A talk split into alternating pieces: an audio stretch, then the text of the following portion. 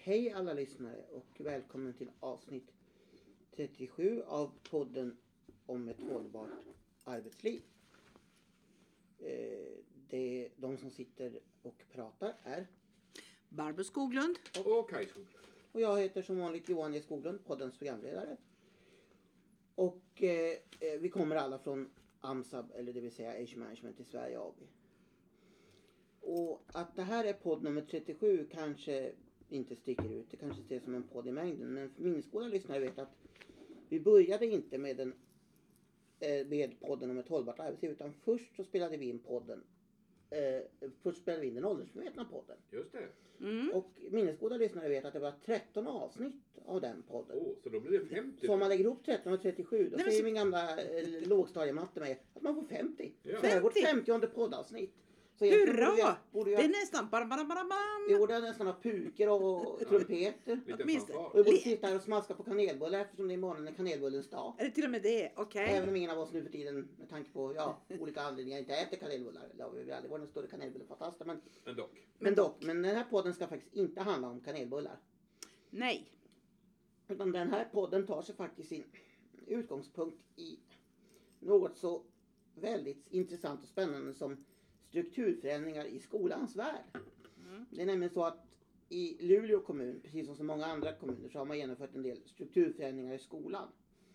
Och eh, efter att man hade genomfört dessa så gjorde man en utvärdering och kom fram till att man behövde göra en del, man ville fortsätta satsa på skolan.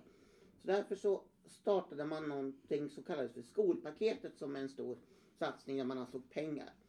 Och två delprojekt, eller delprojekten eh, som man hade i den, det var att behålla äldre lärare i förskolan och grundskolan. Det, det del. Och i somras kunde man läsa, närmare, kunde man läsa på kommunens, Luleå kommuns hemsida eh, att delprojekten Behålla äldre lärare i förskolan och grundskolan uppmärksammas av forskningsprojekt. Det var alltså så att de har fångats forskningsintresse. IVL, Svenska Miljöinstitutet, undersöker hur man kan skapa ett hållbart arbetsliv för äldre och vill titta närmare på arbetet som görs för att behålla äldre lärare samt minska stressen i förskolan och grundskolan.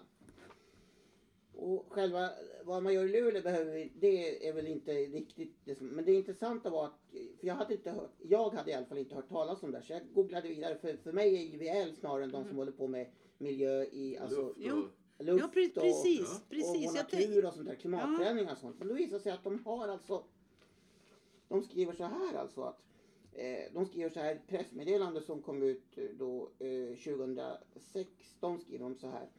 Hur kan vi skapa ett hållbart arbetsliv efter 65? Persons, pensionsåldern höjs och vi förväntas arbeta allt högre upp i åldrarna. Men nu säkerställs att de anställda håller ett längre arbetsliv. I ett forskningsprojekt av, finansierat av AFA Försäkring ger sig IVL, Svenska Miljöinstitutet, ut i jakt på arbetsplatser som lyckas skapa förutsättningar för ett hållbart arbetsliv till 65 års ålder eller längre. För att studera vilka strategier som fungerar, eh, vilka strategier det har som fungerar och ger bra effekt. En viktig del eh, för ett del av ett hållbart arbetsliv är att skapa arbetsmiljöer, arbetsförhållanden och arbetsvillkor som gör att anställda vill och klarar av att arbeta till 65 års ålder och därefter. För att uppnå detta behövs insatser på arbetsplatsnivå och på samhällsnivå, säger Ann Bett eh, Antonsson på IVL, Svenska Miljöinstitutet. Och eh, studien, ska ge, studien ska genomföras på tio arbetsplatser i, i vården och inom skola och socialtjänst, alla branscher där det är vanligt att anställda slutar i förtid. Och här vill man hitta faktorer och strategier som gör att folk kan arbeta längre på arbetsplatserna. Och eh, utgångspunkten är att vi söker goda exempel på arbetsplatser där man har lyckats väl med att anpassa arbetet till anställda samtidigt som det varit till nytta för företaget eller organisationen. Eftersom affärsnyttan eh, kan vara en viktig drivkraft för andra arbetsplatser att göra liknande insatser, säger Anna-Beth Aronsson.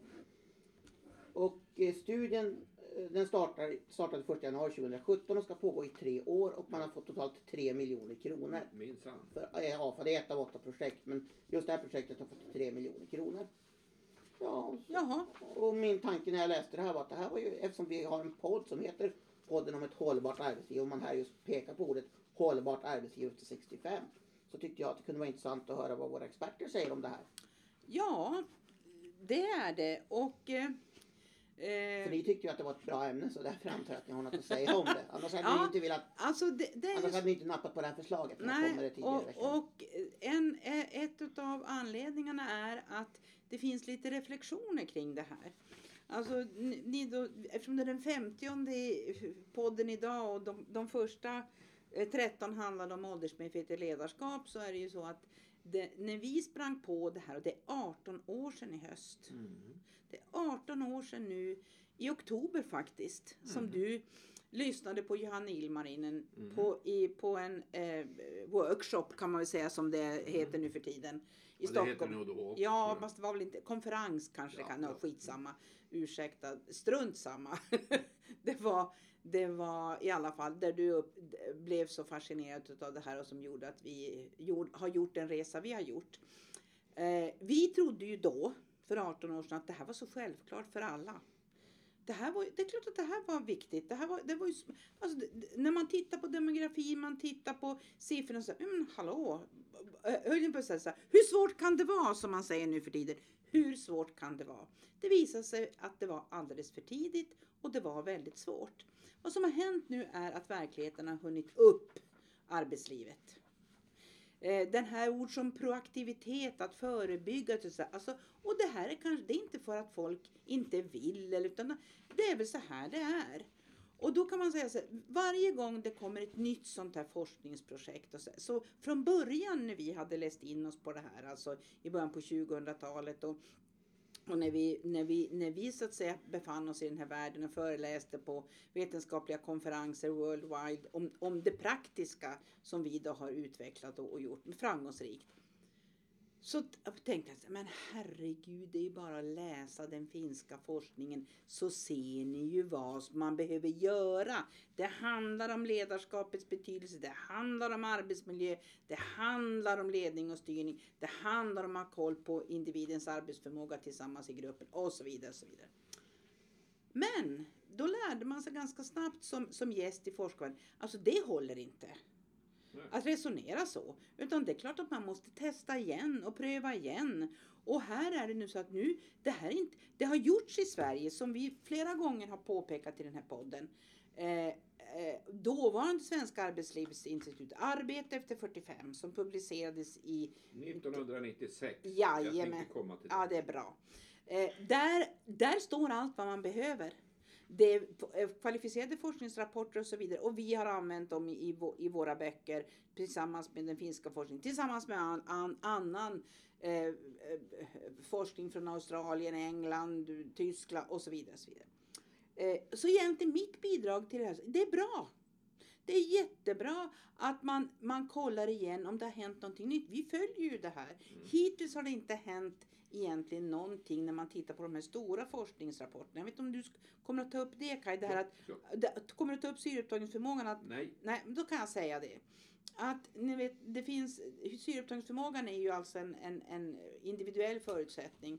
Och när vi började med det här så handlade det om att ja, någonstans från 20-årsåldern så börjar den alltså att, att minska, det vill säga man får gno på för att man ska hålla den på rätt nivå. Eh, och att den är, det, ja, det där, vi, har, vi har förklarat det tidigare i poddar eh, så jag ska inte gå in på det igen. Då kom det, kanske två år sedan, tre år sedan, att ja, men man, man, man har nog reviderat det här från 20 till 30. Vid 30 års ålder så, så börjar det hända saker och ting. Så då, får- då får man vara uppmärksam på det här med syreupptagningsförmåga. Eh, och det är alltså att det är samverkande faktorer. Men så med, med den inledningen så, så säger jag ja, jag, jag, har, jag har kommit till insikt att man kan inte bara säga men herregud det här är ju redan gjort. Inte när det gäller forskning. Så det är jättebra. Hoppas att de kommer fram till någonting antingen att det bekräftar eller att man, man eh, hittar nya incitament. Och framför allt, min avslutning. Det är att man beware of Horton-effekten. Har vi tid sen på slutet så ska jag, kan jag ta den om inte du tar den. Beware of Hawthorne. För det är lätt att falla i den fällan när man gör korta studier. Mm? ja, jag, jag sitter och tittar på några årtal här du nämnde och den här har vi ju nämnt så många gånger för det är, bra som, det är jag som brukar nämna den här rapporten från eh, Arbetslivsinstitutet 1996, Arbete efter 45 som ett standardverk. Den kom alltså 90, 1996. 1997 Alltså för 22 år sedan. Ja, och 1997 och 1999 kom de här två grundläggande Ja. finska forskningsrapporterna, som Johan Ilmanen hade rätt. Och det är intressant, hur lång tid tar det inte för forskningsbaserad kunskap kopplat till ledarskap att slå igenom? Om vi jämför med alla de enorma eh, som flödar in från USA, de senaste management-idén som då eh, upp som en sol och ner som en pannkaka. Men när det gäller det här kunskapsbaserade, då är det tydligen väldigt det är, det är svårt att sälja in för det är ju rätt tungt. Ja, det, Eh, kan- det men- kanske inte ska säljas in. Nej, men det är, ju, det är ju inte så att det inte har hänt någonting sedan dess. Eh, och det finns alltså mycket kunskap. Eh, om vi går flyttar framåt i tiden. Arbetsmiljöverket kom 2004 med en handledning som heter Anpassning av Mm. arbetsmiljön med åldersperspektiv. En handledning, om att anpassa arbetsmiljön till äldre arbetstagares särskilda förutsättningar fysiskt och psykiskt avseende. Där finns i referenslistan naturligtvis med Arbete efter 45 och den finska forskningen. Och om vi detta var alltså 2004. Åtta år senare kommer det från Arbetsmiljöverket eh, en rapport som heter, eh, det ser en kunskapsöversikt, rapport 2012 10, Alltså Jobb- to, 2012. 2012 för Ja. sex år sedan. Mm. Jobba längre. Vad vet vi om äldre i arbetslivet? Återigen, här finns då Eh, arbete efter 45 och den finska forskningen som referenser. Ehm, och grund, så att säga, resultatet är detsamma. Eh, jag vill bara citera en liten slutsats från den här kunskapsöversikten, eh, ett stycke. Där man säger så här, på tal om ny kunskap. I tidigare kunskapsöversikter har äldre i arbetslivet främst relaterats till begränsningar och problem. Om en sådan ansats står oemotsagd riskerar den att konservera mer eller mindre väl underbyggda attityder och myter kring vad äldre klarar och inte klarar av i arbetslivet. Resultatet av de källor som redovisas här tyder på att äldre arbetskraft, äldre arbetskraft har en potential i form av erfarenheter av olika slag som skulle kunna ligga till grund för åtgärder som påverkar motivationen, lärande och utveckling på arbetsplatsen i positiv riktning. Och det är precis den kunskapen som finns bland annat i den finska forskningen. Men det som har hänt sedan den finska forskningen presenterades för mer än 20 år sedan. Eh, om vi tittar på förändringar i arbetslivet, det som framförallt har hänt är ju en allt snabbare digitalisering. Och där vill jag till sist nämna en liten rapport som är lite färskare. Den kommer också från Arbetsmiljöverket och den är från 2015 och den heter Digital arbetsmiljö. Och där pekar man på digitaliseringens både för och nackdelar. Man konstaterar att en allt större del av yrkesverksamma är fullständigt beroende av digitala system. Och eh, här finns också uppgifter som visar att eh, väldigt många är helt låsta vid, vid sin dator men, men eh, de spenderar mycket stor del av sin arbetsdag i en digital miljö. Eh, och där finns det ju anledning att koppla det till kunskapen om, vad som händer med, i form av normalt åldra, åldrande. Det är ju det ena att vi, vi blir mindre, vi, blir, vi får allt svårare, även det väldigt personbundet, på det här med ensidigt repetitiva arbetsuppgifter. Och det gör att det ställs allt större krav på att växla mellan olika typer av arbetsuppgifter. Och det här är en viktig kunskap att ha med sig när man tittar på hur digitaliseringen tillämpas i Det, praktiken. ja. Och, eh, och då, då, när, när du drar det här Kaj så bör- börjar ju min då, minneshjärna gå igång. Redan när vi började med det här så fanns det ju faktiskt arbetsgrupper där, som var betydligt, de var digitaliserade fast man kanske inte tänkte på det. Läkarsekreterarna. Mm, mm. som tidigt fick så att säga eh, kunde få effekter på sin nacke. Det vill säga Ja, det här smärta. ja, smärta, stillasittande arbete. Vi har det inom handeln. Mm. Vi finns, det finns ett regeringsrättsutslag att man skulle eh, variera sig. Man fick inte enbart sitta i kassan.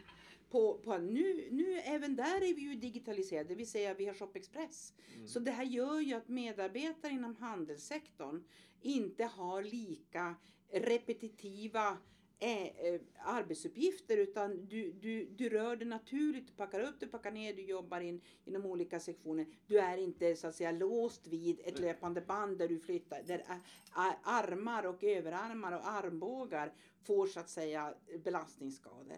Mm. Eh, Och, men det som också när du pratar om digitalisering så är det så att det här är inte ett, ett arbetsmiljö eh, vad ska jag säga, en arbetsmiljö som enbart drabbar eller man måste vara uppmärksam på om vi kallar det för äldre i arbetslivet. Det är lika viktigt för de som börjar i arbetslivet. Vi pratar om det här med nackskador, stillasittande. Du får alltså tidigt, eh, alltså att, att jobba statiskt påverkar dig oaktat kronologisk ålder. Det är liksom inte bra för, för någon människa. Vi är, liksom, vi är fortfarande inte, eh, Mm. vi, har inte, vi har inte utvecklats för att klara av den typen av ensidigt arbete. Och, och det, det här ser vi ju inom, inom barn och utbildningsvärlden, alltså skolvärlden. Och då pratar vi inte om de vuxna, då pratar vi om barnen. Eh, Nu, man pratar om fysisk aktivitet varje dag, man rör sig därför att det här stillasittandet och statiska sättet att fungera, det är inte bra. Så jag, Paddnacke och sånt. Paddnacke som det pratas om. Ja, för innan, det, innan vi hade paddor så pratade jag om gamenacke. Mm. Det här att inte alltså jobba rätt. Vi kan säga att du är ett exempel på som har bytt arbetsställning.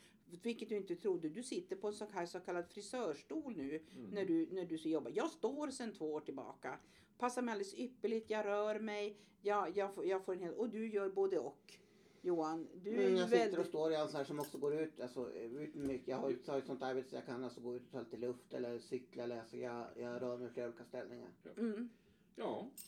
Ja, Men, det, det jag då vill, jag vill, jag vill bara igen, som, som vi- Hawthorne nämnde jag. säga det får du ta nästa gång. Eller tänker du ta det nu? Ja, jag kan bara säga så Du får här. jättegärna ta Hawthorne om du Hur, vill. har vi pratat för länge? Nej, vi har pratat i 16 och en halv minut. Ja, men då, då har vi Hawthorne som cliffhanger. Mm. Absolut, vi börjar med Hawthorne nästa gång. Ja, ja, det jag avslutar med är, igen, det som är den riktiga delen i det här. Om vi pratar om forskning. Ju äldre medarbetargrupp du har och när du fokuserar på en åldersgeneration som man gör här nu. Så grundförutsättningen är att ju äldre grupp man har desto mer olika blir arbetsförmågan. Och det är det som gör att det här är så svårt att så att säga, skicka in att alla är över 65. För att det vi vet igen är att det, det, fin, det kan finnas naturliga åldersförändringar som kommer vid 45 års ålder. Och, som, det, ja. och som ibland drabbar arbetsförmågan och ibland inte alls gör det. Och det finns andra som alltså överhuvudtaget inte ser någonting som påverkar sam förrän någon gång vid 70-årsåldern. Så spannet är väldigt, väldigt långt om vi pratar kronologisk ålder. Mm. Så då brukar jag avsluta med min favoritsentens. Kronologisk ålder är inget bra, Bra mått på arbetsförmåga. arbetsförmåga. Yes, herr programledare. Ja, vi har inte bestämt vad nästa podd ska Jo, handla. det har vi ju nyss Ja, vi har ju sagt att det ska handla del, inleda med Hawthorne-effekten. Sen får vi väl se om vi pratar hela podden om den. Eller Ja, om vi, men den, den är intressant faktiskt, både ur vi får se om vi forskningssammanhang hittar något och annat också. vi kan liksom, ja, för, för det har att göra med, Jo, ja, den är inte dum faktiskt verkligen. som ämne. nej verkligen. Och jag hade också tänkt få avsluta med något av en favoritsentens. Ja. Okej, höra. Kai pratar nämligen om det här om vad som är normalt åldrande. Och då tänkte jag bara dra en av mina favoritsentenser, nämligen den som läkaren säger till patienten, nämligen ert blodtryck är onormalt högt för er ålder, men det är normalt för er ålder. ja, det var bra. Okej, Så med det kanske vi då är det läge att säga tack och hej för den femtionde podden. Och så vi kanske inte kan utlova just 50, ti- 50 till, men många fler, fler poddar blir det i alla Ja. fall. Vi, kna, vi knallar på så länge Tack vi har idag. ämnen. Tack Tack för för idag. idag. Tack och hej!